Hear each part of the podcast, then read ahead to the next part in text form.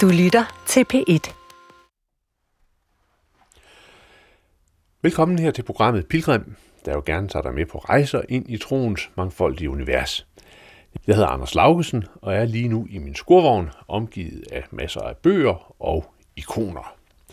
Programmet i dag det er en lille rejse ind i ikonernes verden. Vi skal først og fremmest besøge ikonmaleren Sognepræst Pernille Svendsen, men vi skal også lytte til en stor ikonkender, nemlig den nu afdøde Morten Møberg, og så skal vi møde en metropolit fra Rusland. Og sidst i programmet, der vil kunsthistoriker Hans-Jørgen Frederiksen sammen med Malene Finger Grøndal begynde første afsnit af en lille serie omkring symboler. Jeg har selv meget stor glæde af ikoner. De er overalt herinde i skurvognen, de er også overalt i vores hjem. Ikonernes verden har i mange år været en væsentlig del af mit trosliv. Og jo mere tid jeg har brugt på ikonerne, desto mere er jeg blevet forundret over, hvordan de igen og igen åbner sig på nye måder. Man kan have kigget på en ikon hver dag i overvis, og så pludselig åbner der sig nye lag eller nye indsigter omkring ikonen.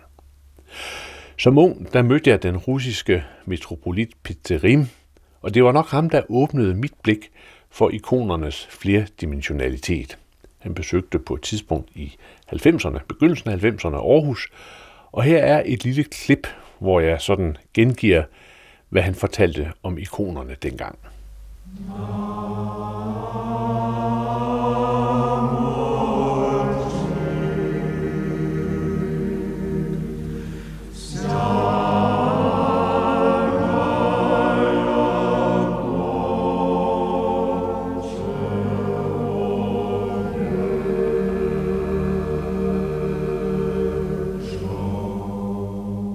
Икона имеет два содержания. Uh, the icon has two meanings. Икона – это изображение объективного духовного мира. Ikonen har to betydninger, sagde Petterim. Den er et billede på den usynlige spirituelle verden. Ikonen af Kristus er derfor et åndeligt billede, som viser os Kristi lidelse og hans herlighed, på samme måde som det spejles i den åndelige verden hos de døde. Derfor er ikonen et vindue til en anden verden. På den anden side er ikonen menneskets øje. Når et menneske ser på en ikon, føler han ikonens energi, og dette skaber en indre forandring. Man starter at føle en åndelig og moralsk side hos sig selv og hos andre mennesker.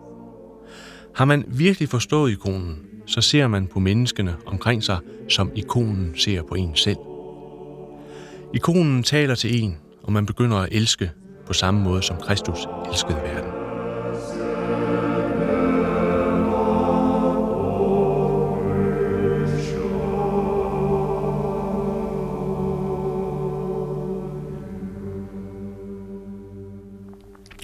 Tilbage i 80'erne og begyndelsen af 90'erne var vi ikke ret mange, der interesserede os for ikoner. Men en af dem, der havde en levende interesse for ikonografien, det var den nu afdøde sovnepræst Morten Møberg. Inden vi besøger ikonmaler Pernille Svendsen på Fyn, så vil jeg lade Morten Møbjerg introducere ikonernes univers. Klippet her det stammer fra en udsendelse, jeg i begyndelsen af 90'erne lavede med ham. Udsendelsen hed Arven fra Byzans.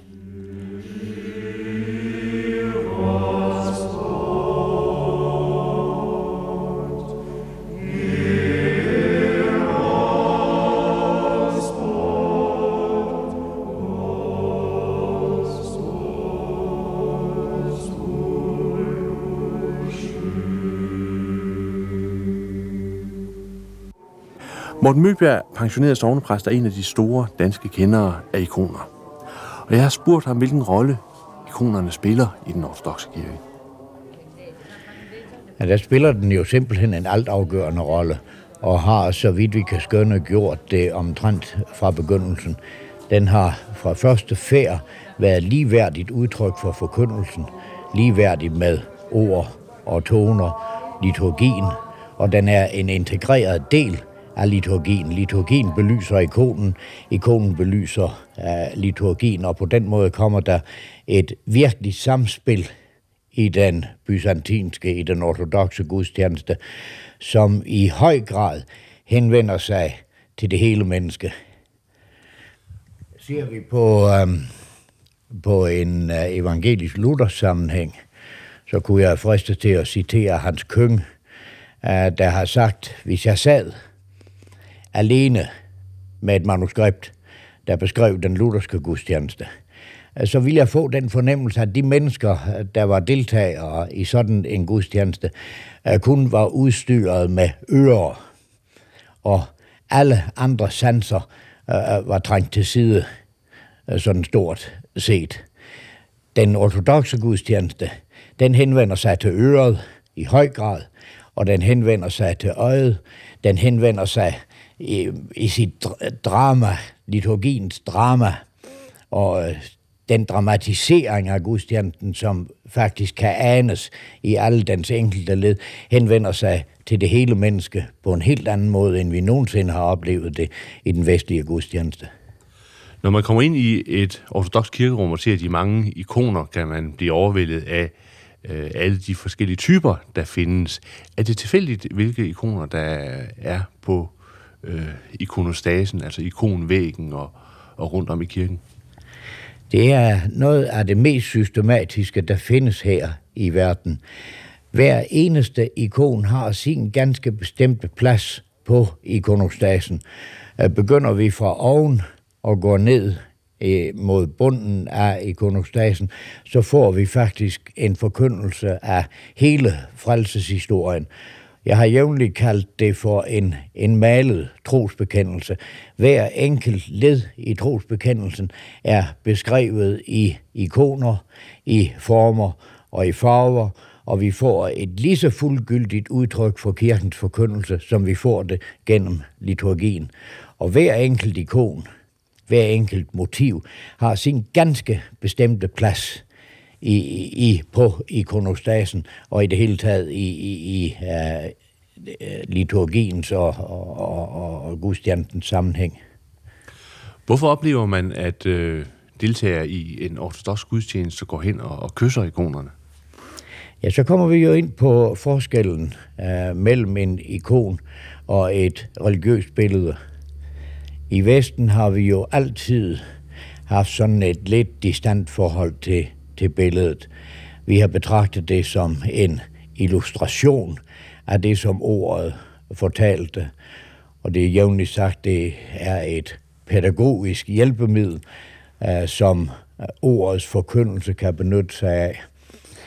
I øh, Østkirken har man altid haft en fornemmelse af, at ikonen var bærer af et åndeligt budskab, havde et åndeligt, et spirituelt indhold – man har sagt, der er selvfølgelig ikke overensstemmelse mellem ikonen og det, ikonen fremstiller uh, som natur. Men der er en lighed. Jeg har hørt det udtrykt så enkelt og så jævnt, uh, at uh, en præst sagde til mig, hvis du er forelsket, uh, så stiller du også et billede af din elskede på bordet foran dig. Og du ved udmærket, at det ikke er ham eller hende. Men alligevel er det ligesom, der er et nærvær. Og det nærvær af, af den åndelige virkelighed, som ikonen skal udtrykke, det er i ikonen. Og derfor kan man henvende sig til ikonen på den for os lidt, øh, måske endda anstødelige måde. Man bøjer sig for den, og man øh, kysser den, og, og, og den indgår i ens fromhedsliv på en helt anden måde, end billeder nogensinde kan i, i den vestlige sammenhæng. Og det hænger altså sammen med, med denne filosofi af ligheden og nærværet i ikonen.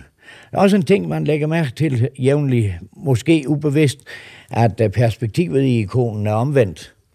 Øh, sådan at ikonen på det nærmeste ser på en, øh, når man står foran den. Og man bliver ligesom draget ind i et fællesskab, fordi linjerne forsvinder ikke et eller andet sted ude i horisonten, men de mødes lige præcis øh, i midt i, i betragterens bryst. Og på den måde, der, sker, der bliver der en, en interaktion øh, mellem ikonen og mig, mellem det budskab, som ikonen har, den virkelighed, som ikonen repræsenterer, og som min daglige tilværelse. Ikoner bærer ofte de samme motiver, og, og selve udtrykket i ikonerne øh, varierer heller ikke øh, frygtelig meget. Øh, hvorfor det? Det er den samme virkelighed, der skal forkyndes. Den samme sandhed. Og derfor er ikonmaleren jo ikke en, øh, en individuel øh, kunstner, øh, der udtrykker øh, sin personlige opfattelse af begivenheden. Han er en tjener, og det arbejde, der kommer ud af hans pensler, hans farver, øh, det er en gudstjeneste, og det er inspireret af Helligånden, og den troende ikonmaler opfatter bestemt ikke ikonen som, øh, som sit eget værk. Øh, er han noget, så er han et, et redskab. Han er hænder for Helligånden. Og derfor kan vi også være helt sikre på, at hvis en ikon er, signeret, har kunstnerens navn på sig, øh, så er vi i en vestlig påvirket sammenhæng, eller i det, som den ortodoxe vil kalde noget dekadent. Det er ikke kunstnerens arbejde. Det er heligåndens arbejde, som kunstneren blot er et redskab til at udtrykke. Hvad er det, der gør, at nogle ikoner anses for bedre end, end andre? Det tror jeg ikke, man kan give noget, noget objektivt svar på, men uh, det er ikke ret lang tid siden, at jeg hørte en ortodox teolog sige, der findes mange teknisk og kunstneriske værdifulde ikoner, uh, som er kolde og golde. Og så findes der også ikoner, der er primitive og simple, teknisk og, og, og kunstnerisk, som alligevel har et, et åndeligt indhold, øh, som, som griber en. Og det ideelle er jo selvfølgelig, når de to ting forenes, det er givet, men der er ingen tvivl om, hvor den ortodoxe øh, kirke lægger vægten. Og der siger man jo, at øh, den forskel, som tydelig er på ikonerne, man føler den og fornemmer den, når man ser på dem, hænger jo sammen med ikonmalerens egen åndelige udvikling. For um, man kan ikke gengive uh, det spirituelle, det åndelige indhold, der skal være i en ikon, hvis man ikke selv har gjort de erfaringer. For det gælder her som så mange andre steder, man kan ikke give videre, uh, hvad man ikke selv har. Så derfor er det i høj grad et spørgsmål om uh, ikonmalerens egen uh, religiøse, uh, åndelige udvikling, og det stadig han har nået til. Og, og derved bliver ikonerne, på trods af det samme motiv, jo meget, meget, meget forskellige. Oh,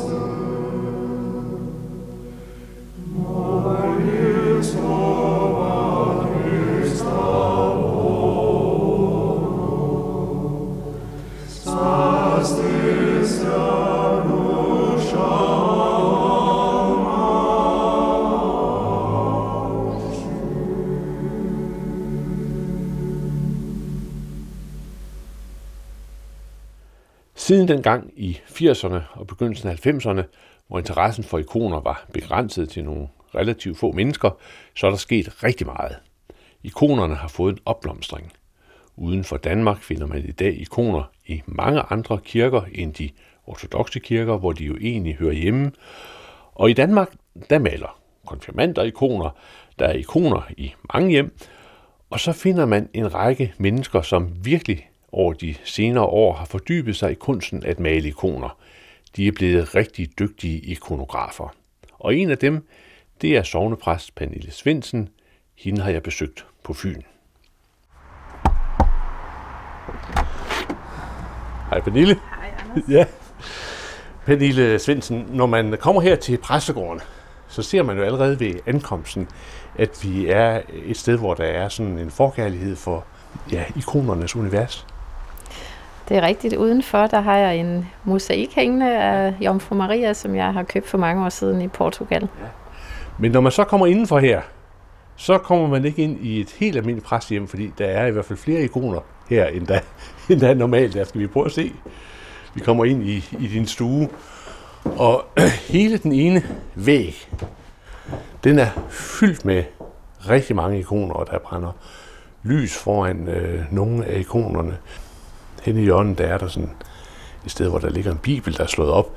Så man fornemmer, at, at, at, at der er ikoner, men man fornemmer også, at det er ikoner, der ligesom har en, en funktion. Hvad, hvad, hvad, hvad er det for en, en samling, du har her? Jeg har en stor samling af ikoner, jeg selv har malet, og en lille smule ikoner, jeg har købt i udlandet. Men ellers er det mine egne ikoner, som øh, jeg bruger meget tid på at, at arbejde med. Øh, hvordan kom det der med ikonernes verden ind i dit liv? Mens jeg læste teologi, øh, stødte jeg på en bog af Andy Warhol og hans religiøse billeder, og den sidste billedserie, han lavede, inden han døde. Og øh, der tænkte jeg, at der må være noget her at, at komme efter, og jeg begyndte at undersøge, hvad han var for en størrelse, ud over det, vi kender ham for. Øh, portrætter og Camp- tomato, tomatoes, hvad hedder det? Campbell's tomato soup og alt det der. Øhm, og øh, det viste sig, at han var ortodox og øh, gik i kirke hele sit liv i Pittsburgh, New York. Og havde øh, ikoner derhjemme, Mother's Holy Pictures, som han kaldte dem. Og øh, det er egentlig Andy Warhols skyld, at jeg blev ikonmaler. Det er det, ja. Men altså, ikonmaler, øh, ja, skal vi ikke gå op der, hvor du maler dine ikoner, så kan vi lige, fordi så skal vi have historien om, hvordan man bliver ikonmaler. Øh, Du har sådan en lille rum. Ja, lad os gå ovenpå. Ja. Ikoner, ikon, det betyder billede, ikke? Og nu kommer vi så op ad en, en trappe, hvor der så også er et billede af, af øh, den tomme grav og engle, og det er så skåret ud, men det er ikke en ikon, det der. Nej, det er et øh, træsnit øh, af opstandelsen, som øh, jeg er meget glad for. Fordi en, en ikon øh, er, er vel sådan på mange måder et, et ret veldefineret form for, for billedet, selvom man nu altså bruger ikoner i forhold til både det ene og det andet i dag. Ikke? Men altså, i religiøs forstand, så er, så er, så, så er ikonen sådan et, et, et, et veldefineret billede. Ja, ikonen er en, en trosbekendelse. Den viser det, vi tror på. Øh, Kristus som udgangspunkt. Øh, men selvfølgelig også øh, Jomfru Maria og øh, med Jesus på armen, som er et billede på, at Gud bliver menneske. Det er det, den ikon betyder. Nå, nu er vi inde her i dit, i dit øh, værelse her. Øhm, jamen, ja, prøv lige at beskrive det. Jamen, det er mit, mit maleværelse. Og jeg har et stort bord her med alle mine maleting på. En masse morhårspensler og ehrenhårspensler. Og øh, lidt lys fra øh, Atos, som jeg tænder, når jeg skal male. Og øh, en masse bøger og øh, alle de materialer, jeg skal bruge mm. til at male med. Farvepigmenter og øh, æggeblanding, som man bruger til ikonmaling. Skal vi prøve at gå derhen af? Det, det med ligesom at blive ikonograf og, og, og, og lære at, at male ikoner, øhm, hvordan, hvordan bliver man det? Det er en, en lang og vanskelig proces, øh, som man må kaste sig ind i, og det vigtigste første, man skal lære, det er at øh, fuldstændig give afkald på egentlig, og øh, øh, ja, sin egen vilje, kan man sige. Øh, hvis man er almindelig kunstner, så øh, øh, udtrykker man sig jo og får inspiration til det, men ikonmaling handler om at begrænse sig til udelukkende det, man skal. Øh, så ens egen vilje er nødt til at glide baggrunden, øh, og man er nødt til at være ydmyg over for det, man laver, og gentage øh, det billede, man skal male, så nøjagtigt som muligt. Så, så du har et forlæg, når du, når, du, når du maler ikoner? Ja, der er altid et forlæg. Øhm, hvor var det første gang, du ligesom prøvede at male øh, en ikon? Øh, jeg lærte at male ikoner første gang hos Inge Larsen Ledet i Aarhus. Vi var et ganske lille hold på øh, tre mennesker øh, og malede hver torsdag aften et par timer. Øh, så det var den måde, jeg kom i gang med at male på. Øhm, skal vi prøve at gå hen og, og, og, og se? Kan du, kan du prøve at forklare mig, hvordan, hvordan gør man, når man nu vil male en ikon? Og, altså, du har en ikon liggende på, på, på bordet. Jamen det første er jo øh, pladen, der skal laves. Man kan lave pladen selv, eller man kan øh, købe den. Jeg har lavet plader i mange år, men har nu valgt at købe dem. det er for stort et arbejde for mig oven i præstarbejdet. Øh, så ikonpladen skal være lavet og forberedt med gesso, Som er? som er en blanding af gips og kridt og harlin, som smøres på øh, 8-10 gange På, på et stykke træ. på et stykke træ. Ja. Og under gessoen er der lærred, så malingen kan suge ned i noget. Hvis det er direkte på træet, øh, så vil det begynde at arbejde og flække og give sig. Øhm, så allerede der har vi en omstændig proces, og skal den vel også på en eller anden måde slibes eller sådan noget. Altså, den, den, den er jo i hvert fald utrolig plan. Ja, den bliver slebet med noget meget fint sandpapir, øh, inden man kan gå i gang med at male. Ja. Der skal helst ikke være noget, øh, der forstyrrer et ansigt for eksempel. Så Og så siger du, så har du så nogle forskellige forlæg, som du ligesom bruger, når du, når du går i gang med en ikon. ja, jeg har en, en masse ikonbøger med mange smukke ikoner og en masse mapper med kopier af, af billeder. Øh, man gentager jo altid eksisterende billeder, som man ikke skal finde på selv. Jeg kan godt finde på at øh, kombinere flere ikoner øh, af det samme, den samme person eller samme motiv. Øhm, og på den måde kan man sige, så laver man lidt sin egen, men, øh, men holder mig selvfølgelig inden for retningslinjerne og, og reglerne. Så Øhm, når, når man så ser her, så kan man se, at du har nogle lys stående. Du har også en, en, nogle sådan bøger, der taler omkring Jesusbønnen. Og, øhm, ja, man kan jo sige, at, at på en måde rammesætter det dit arbejde, fordi det at male en ikon øh, er vel mere end at male, han har sagt. Det, der, der sker noget mere også, ikke? ja, i- ikonen er jo øh, bøn. Så, så man går ind i et bønsrum, når man begynder at male. Og det betyder selvfølgelig også, at man er nødt til at have lidt ro på sig selv. Øhm, så man ikke starter ud med en rystende hånd eller er vred over et eller andet. Øhm, men så man har, har ro indvendigt til, til det arbejde, der skal gøres. For ellers så vil man hurtigt opdage, at, at tingene går den, går den gale vej, og man får lavet en masse fejl og en masse, der skal rettes op på. Ja. Men sådan er det også samtidig. Og, og så begynder du så, du har din plade, der er øh, øh, hvid og, og klar til at gå i gang med. Øhm, hvordan bygger du så sådan en, en, en ikon op? Jeg sætter forlægget fast på pladen med øh, karbonpapir under eller noget farvepigment, og så overfører jeg billedet ligesom sådan en helt gammeldags kopieringsmetode, man gjorde, da man var barn og brugte madpapir og tegnede af. Og på den måde får man det mest nøjagtige, den mest nøjagtige kopi. Man kan også tegne sin egen ikon. Øh, der kan hurtigt ske det i processen, at, øh, at man bevæger sig væk fra forlægget, så jeg foretrækker at kopiere direkte fra forlægget. Og så øh, maler du så bare sådan fra et hjørne til et andet? Nej, når jeg har overført billedet, så ridser jeg det med en fin nål i en øh, blyant. Så ved jeg, at motivet er der, uanset hvad der kommer til at ske frem fremadrettet. Og øh, når det er gjort, så blander jeg den første farve, som er sådan en rødbrun øh, sienna. Og så tegner jeg hele motivet op med tynd pensel. Og, og der er det så med at holde, jeg har sagt, hånden i ro, ikke? Jo, det er det. Øhm, men som regel er det sådan, der kan ikke ske noget, som ikke kan rettes op på igen. Øh, så har du så, så øh, en skitse, altså en ramme til ikonen, men der er jo stadigvæk lang vej til at få sådan en, en ikon. Du har en, en, en for eksempel herovre på et stående, en, en juleikon, der jo er fyldt med øh, skikkelser, men der er jo også guld, og der er mange forskellige farver i det osv. Ja, det første man gør, når motivet er tegnet op, det er at lægge guld på. Mm.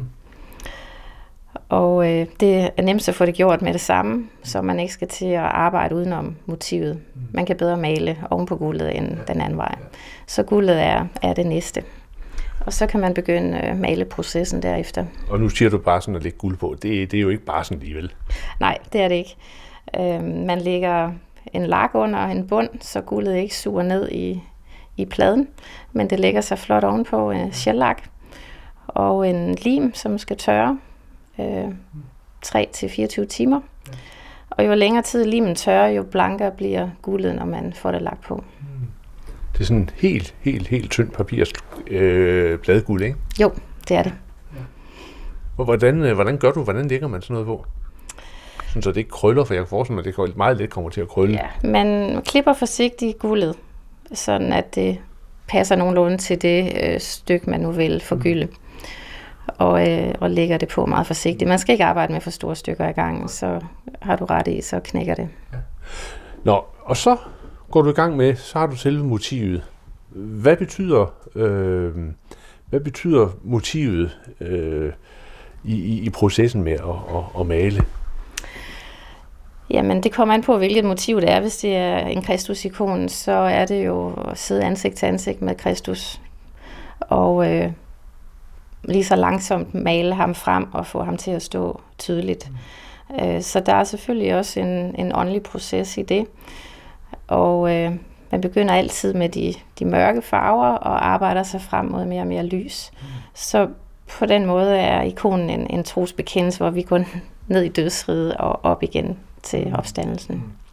Det er jo noget af det, der, der er det øh, forunderlige ved ikoner. Øh, nu har jeg jo også, øh, jeg kan jo slet ikke male, men altså jeg har jo beskæftiget mig meget med ikoner, har mange ikoner hjemme, noget af det forunderlige ved ikoner, det er jo, at øh, Øh, ikoner kan være malet fra samme forlæg, men alligevel komme helt forskelligt frem. Så der er jo et eller andet i den proces, som, som, som, som meddeler sig i ikonen, og formentlig også meddeler sig på forskellige måder til forskellige mennesker. Det, det, det tror jeg også er tilfældet, men der er jo et eller andet i den proces, i din indre proces, mens du maler, som via ikonen øh, meddeler sig til betragteren? Ja, hvis man har øh, 10 mennesker, der maler den samme ikon, så bliver det 10 forskellige ikoner. Ja. Øh, med mindre at, øh, at folk er meget dygtige til at sætte sig selv i baggrunden.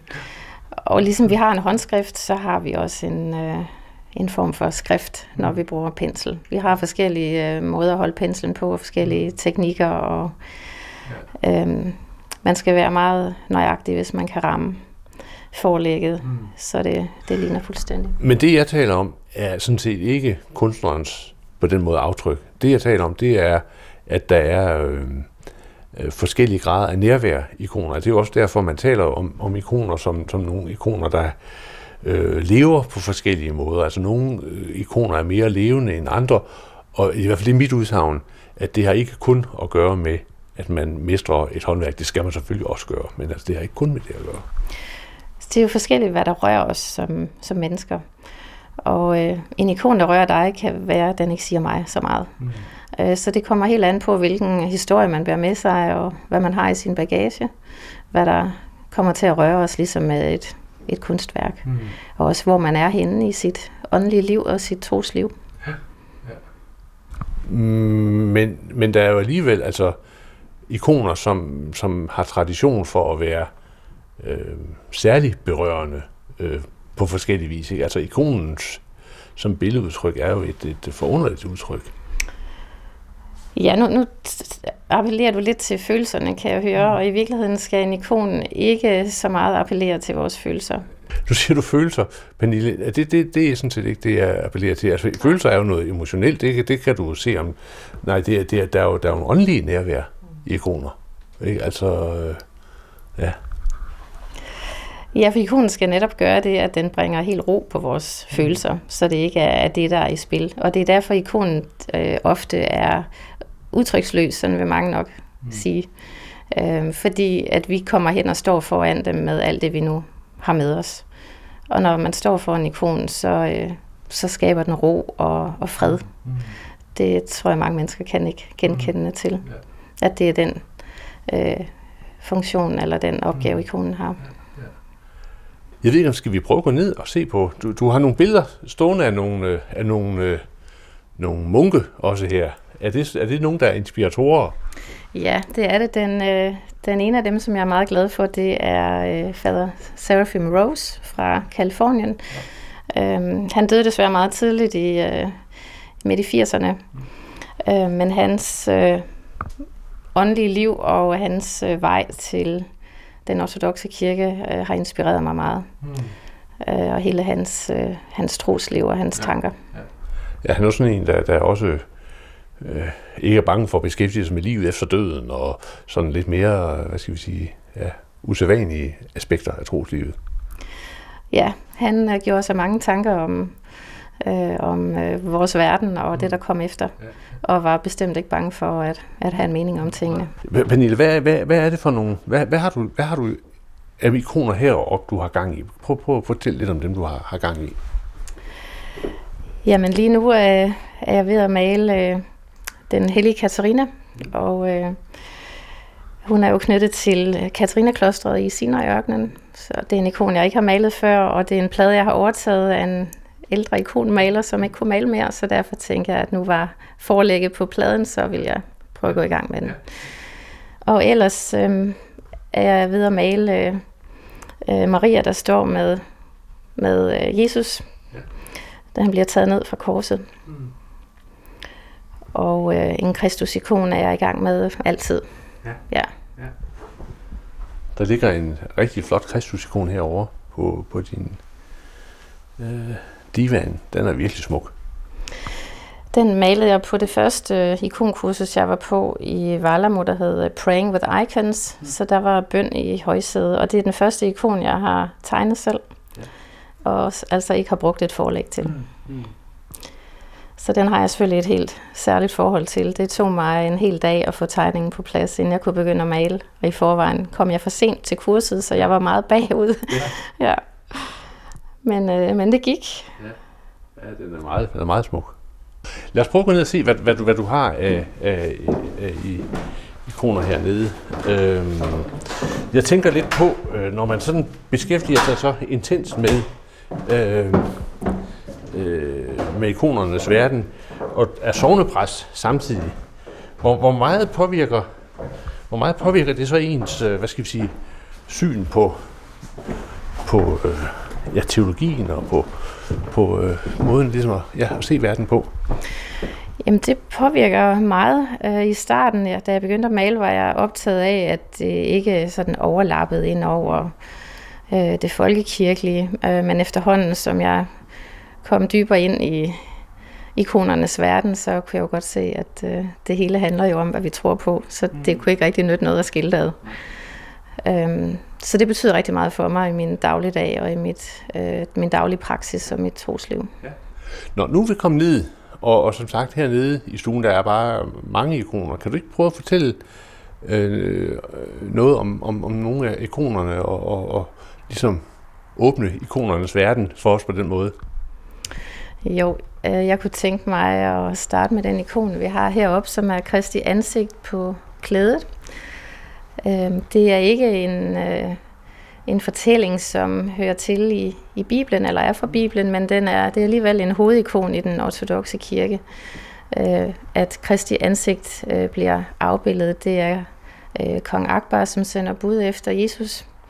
Og han har nok at gøre i Israel med at helbrede og tage sig af mennesker der, så han øh, kommer ikke afsted.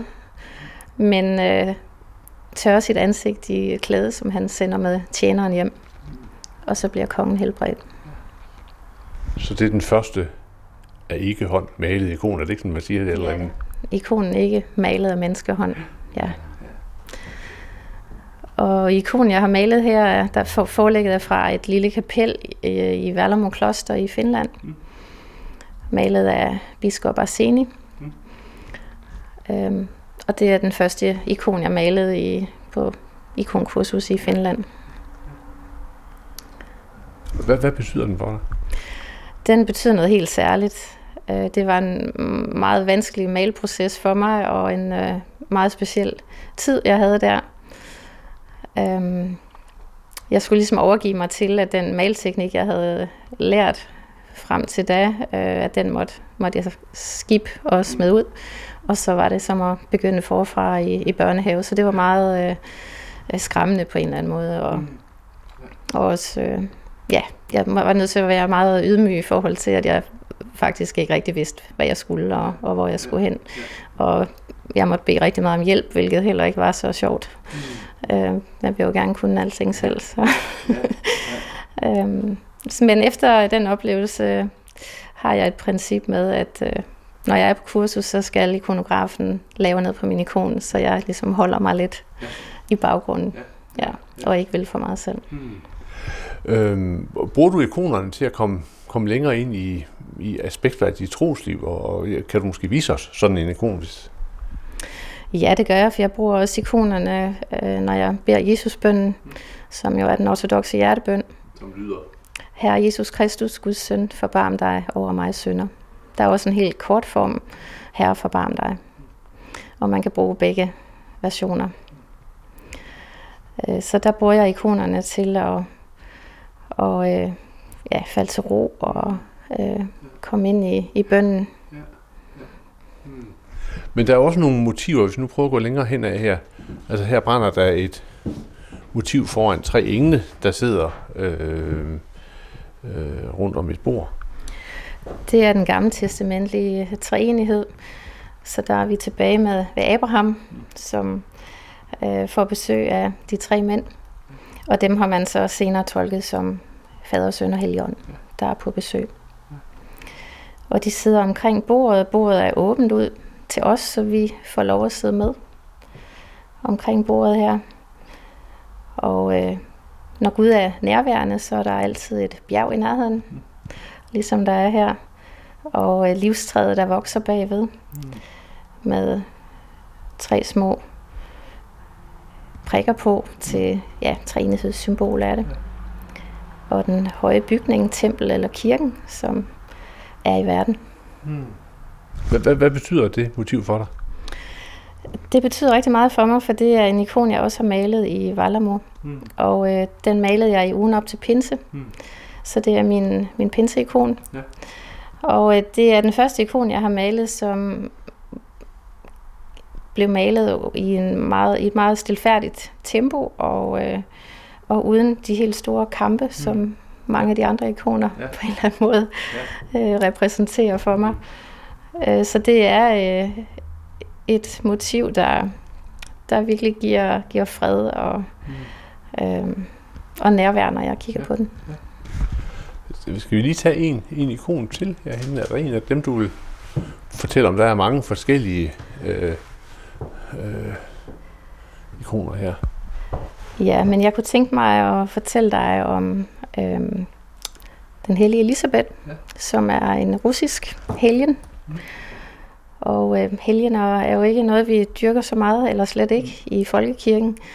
Øh, men for mig betyder helgener, at vi har gode forbilleder mm. i vores liv, i, i troslivet. Øh, der er så meget andet, der kommer ind og tager over, og mm. ja, vi kan gøre mennesker fra alle mulige sider til, til vores forbilleder, men øh, jeg tænker, det er vigtigt at have trosforbilleder. Mm. Og øh, den hellige Elisabeth er, betyder noget særligt for mig, fordi jeg besøgte hendes kloster i Jerusalem øh, for et par år siden. Mm. Og øh, inden da havde jeg malet ikonen her, som jeg havde kæmpet rigtig meget med, og fået hjælp øh, ja. til at, at male min, øh, øh, en af mine gode venner og åndelig vejleder, en ortodox munk, hjalp mig til at få hendes ansigt på plads mm. og malede et study til mig, som han sendte. Ja. Øhm, og det havde jeg med til Jerusalem, mm. øh, da jeg skulle ind på klosteret, og jeg kæmpede mig op af bakken til Oliebjerget ja. og kom op, og så var der lukket. Så der var jeg meget skuffet. Ja. Og stod der og kæmpede med min skuffelse og tænkte, nu må jeg ja. komme igennem det her. Og så kom der en lille ortodox nonne og lukkede døren op no. og vinkede mig ind, ja. og så fik jeg lov at komme ind. Så, øh, så mine bønder blev hørt. Ja.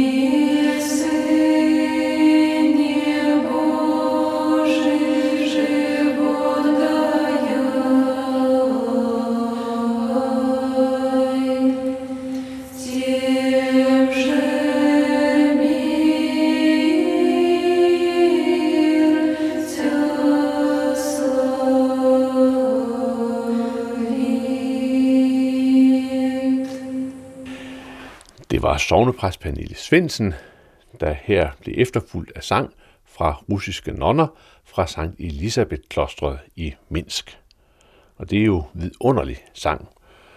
Og man kan sige, at i en ortodox sammenhæng, der hører ikoner og himmelsk musik sammen. Ikonen er både et konkret billede, men den er også et symbol. Kunsthistoriker Hans Jørgen Frederiksen er en af dem, der har interesseret sig for ikoner i mange år, men han har også beskæftiget sig rigtig meget med kristen religiøs kunst generelt. Malene Fenger Grøndal har lavet en lille serie af optagelser med Hans Jørgen Frederiksen omkring symboler i kunsten. De optagelser sender vi her hen over de kommende måneder, når det passer ind i forhold til det tidsmæssige puslespil, det jo altid er at lave et program. Og i dag, der kommer der en introduktion i forhold til begrebet symboler. Hans Jørgen Frederiksen, du er kunsthistoriker, og du har beskæftiget dig rigtig meget med, hvad kan man sige, krydsfeltet mellem kunst og religion. Og jeg ved, du er meget optaget af symboler. Og umiddelbart, så kunne jeg jo godt tænke symboler, jamen det er så noget med, at vi kender korset, og vi kender øh, ankeret, og vi kender duen og så videre fra, fra kristendommen, hjertet. Men jeg ved, at, at symboler, øh, i den forstand, du beskæftiger dig med det, er altså noget andet og mere end det. Kan du prøve at sige lidt om, hvad, hvad symbol overhovedet er?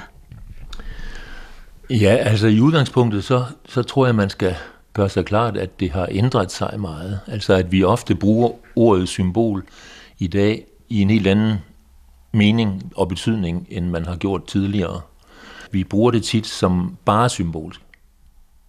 Man taler for eksempel om symbolpolitik, og det er jo ikke positivt ment. Det, det er noget i modsætning til regulær, ordentlig, god, virkelig politik. Ikke? Det er symbolet. Øh, så det symbol er mange gange i dag noget, der ikke har så forfærdeligt meget at gøre med det, det hævdes at symbolisere. Det er bare et blandt mange slags tegn. Men hvis man interesserer sig for oprindelsen til ordet symbol, og, og finder det, som så meget andet i, i det græske, så bliver man sporet ind på en anden tradition. Det kommer af det græske ord symbolon, som igen er afledt af et verbum, der betyder noget i retning af at bringe noget sammen. Altså det modsatte af en atomisering, at man bringer noget sammen til en helhed. Det er det, symbolet gør. Øh, det er den originale græske betydning af symbolon. Da det så glider over i latin, kommer til at hedde symbolum, så øh, får det en lidt anden klang. Altså så bliver det for eksempel et ord, man bruger om et feltråb i militæret. Et eller andet, man skal kunne genkendes på. Det er symbolum. Og man bruger det også øh, i, i den latinske tradition som en betegnelse for trosbekendelserne. Credo. Symbolum fra Nikea for eksempel i 325. Så der bliver symbol til en øh, betegnelse for en, en kort fortættet redegørelse for noget, der strengt taget krævede mange flere ord, men som vi nu har i en gennemtænkt, komprimeret udgave. Når vi går op i igennem øh, middelalderen, så vil jeg sige, at det i nogen grad vender tilbage til det oprindelige græske, og så kalder man det tit noget andet end symbol. Så taler man om for eksempel tingenes anagogiske betydning, og dermed mener man, at øh, man ved at iagtage tingene her i verden, har en mulighed for, med afsæt i de ting, at øh, nærme sig en betragtning af det himmelske. Altså anagogisk vil sige noget med skridtvis fra det skabte til skaberen. Ud fra en tro på, at ligesom et billede kan sige noget om den, der har skabt billedet, så kan den virkelighed, vi befinder os i, sige noget om den Gud, der har skabt det. Så det symbolske i den betydning har en, en vældig voldsom stor betydning i store dele af middelalderen. Hvis vi så lige skal bringe det op til, til vores egen tid, så kunne man slå ned på tiden omkring 1900, hvor man begynder inden for videnskaben også at interessere sig for det, man kalder semiotik, for, for at forstå tegnene. Og der er der en amerikansk øh, semiotiker, der hedder Peirce, som øh, opererer med en mangfoldighed af tegn, men understreger den særlige betydning af tre slags tegn. Og den ene slags tegn er det, han kalder det ikoniske tegn. Ikon, det græske ord for billede. Det ikoniske tegn er for Peirce et øh, tegn, som har en formel, altså en formmæssig lighed med det, det betyder. For eksempel et portræt. Så har han en kategori af tegn, han kalder indeksikale. Og det indeksikale tegn, det er et, som har en meget direkte forbindelse til det, det betyder. Øh, det er en slags spor af det, det betyder. Ikke? Øh, for eksempel fodspor. Det er sådan det klassiske eksempel på det. Eller fingeraftryk. Det er et indeksikalt tegn. Og så kommer så hos ham ind i den tredje kategori, som man kalder symbol, og som han forstår som et tegn, der er opstået i bestemt øh, kulturel sammenhæng, og som man er nødt til at kende noget til, altså den kulturelle sammenhæng, for rigtig at kunne forstå meningen med. Så det er, det er historisk, kulturelt forankret. Men siden er der andre, der har øh, opponeret lidt imod den fortolkning af begrebet symbol. En af dem er en tysk-amerikansk teolog, der hedder Tillich, som jeg tror læses af mange, også i dag. Og han skrev om det her i 1950'erne, og han giver udtryk for, at et symbol er ikke på den måde noget, der er opfundet, men det er, det er noget, der kommer, så at sige, af sig selv – og som har øh, en grundlæggende, en fundamental betydning for, for mennesker i for lang, mange forskellige øh, kulturelle, historiske sammenhænge. Man kan sige, hos ham der nærmer man sig sådan, jeg tror i hvert fald, at man gør det, nærmer sig en, en sådan mere jungiansk orienteret forståelse af, af symbol som, som arketypiske symboler, som noget, der er fælles menneskelig arv, og som vi i princippet skulle kunne lade os påvirke af, og til en vis grad forstå, uanset hvor vi er henne, hvornår. Og så kunne jeg tænke mig også øh, lige at nævne øh, Løstrup. I 1970'erne øh, skriver han om det her, og Løstrup understreger, at det ikke først er kunsten, der er symbolsk, men det er selve virkeligheden, der er det. Ja, først og fremmest, siger han. Og, og når det er, hvis det er tilfældet, så må kunsten selvfølgelig også være symbolsk. Men der er udgangspunktet altså, at den virkelighed, vi i det hele taget øh, ser os anbragt i og er omgivet af, og som vi kan registrere med vores sanser, den er selv symbolsk. Hvordan skal det forstås? Prøv at forklare det lidt tydeligere, for det tror jeg for mange sådan lyder lidt gådefuldt, men også ret fascinerende. Altså, at det ikke kun er i kunsten, vi, vi er omgivet af symboler, men at, at hele vores virkelighed er symbolsk eller fuld af symboler. Man, man går jo ind i et kæmpestort øh, filosofisk øh, problemkompleks. Ikke? Øh, altså, man kunne sige helt tilbage til Platon, der insisterede på, at den fysiske verden, vi er i, og som vi relaterer til med vores sanser, at den er jo kun en afglans, en vag afglans af den evige idéernes verden. Og det lyder sikkert abstrakt for mange mennesker, men jeg tror også, at jo mere man fordyber sig i, i forestillingen, desto mere, øh, om jeg så må sige, kød kommer der på den. Altså at man erkender, at, at før der var noget til i det her univers, der der ingenting var, der må der have været en form for bevidsthed. Om man så vil kalde det idéverdenen, eller, eller noget andet, eller tredje, det er måske ikke så afgørende vigtigt, men hovedsagen er, at man når til en erkendelse af, at den verden, vi registrerer med vores sanser, den har en virkelighed, der går forud for den. Og man skal måske også kombinere det med en erkendelse af, at, at nok er vi taknemmelige for de fem sanser, vi har, men, men det er jo kun en fli af virkeligheden, de bringer os i kontakt med. Altså om man så skal gå så langt, som, som Kant jo gjorde, ved at skælne meget stærkt imellem tingen i sig selv og tingen for mig. Der stinger en sig, og der Ding für mig. Det, det er sikkert individuelt, men at man skal bevæge sig i den retning for at forstå øh, fænomenernes verden som symboler, det, det tror jeg er hævet over en tvivl.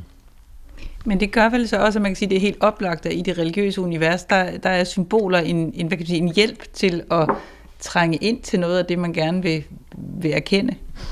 Ja, det er, det er ligesom billedet i en, i en græsk ortodox kontekst. Det, er, det repræsenterer sådan et niveau i, i, i den verden, vi er placeret i. Altså forskellige virkelighedsniveauer, kan man sige, hvor billedet, skråstreg, symbolet, er et forbindelsesled. Og det er jo så det, nu, øh, nu har vi fået en indledning til det her, og så i, i efterfølgende afsnit, så vil vi gå ind i, øh, i de, nogle af de billeder og kigge på, hvordan øh, vi så at sige kan bevæge os måske nærmere det, en forståelse af det guddommelige, eller en, en ja, forstå noget af det vel som, som afspejlende sig i de her forskellige symboler. Ja, lad os prøve at gøre det, og så vælge nogle af de symboler, som har særlig stort udbredelse. Ikke fordi det skal være almindeligt i betydningen noget banalt, men fordi det gerne skal relatere til den definition af symbol, som jeg var inde på før, nemlig symboler, som ikke er, er opfundet, men er fundet.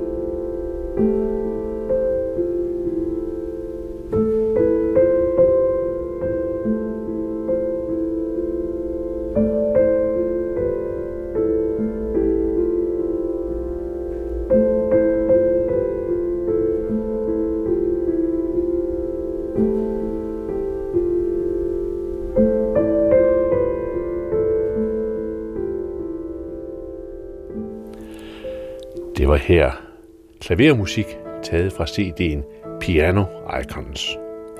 Musikken kan også stå som en slags ikon. Det var Malene Finger Grøndal, der havde talt med kunsthistoriker Hans Jørgen Frederiksen. Desuden så mødte du i dag ikonmaler og sovnepræst Pernille Svendsen og den nu afdøde sovnepræst og ikonkender Morten Møbjerg og så metropolit Bitserim. Her fra skurvognen er det Anders Laugesen, der siger tak fordi du lyttede med, og måske på genhør om en uges tid.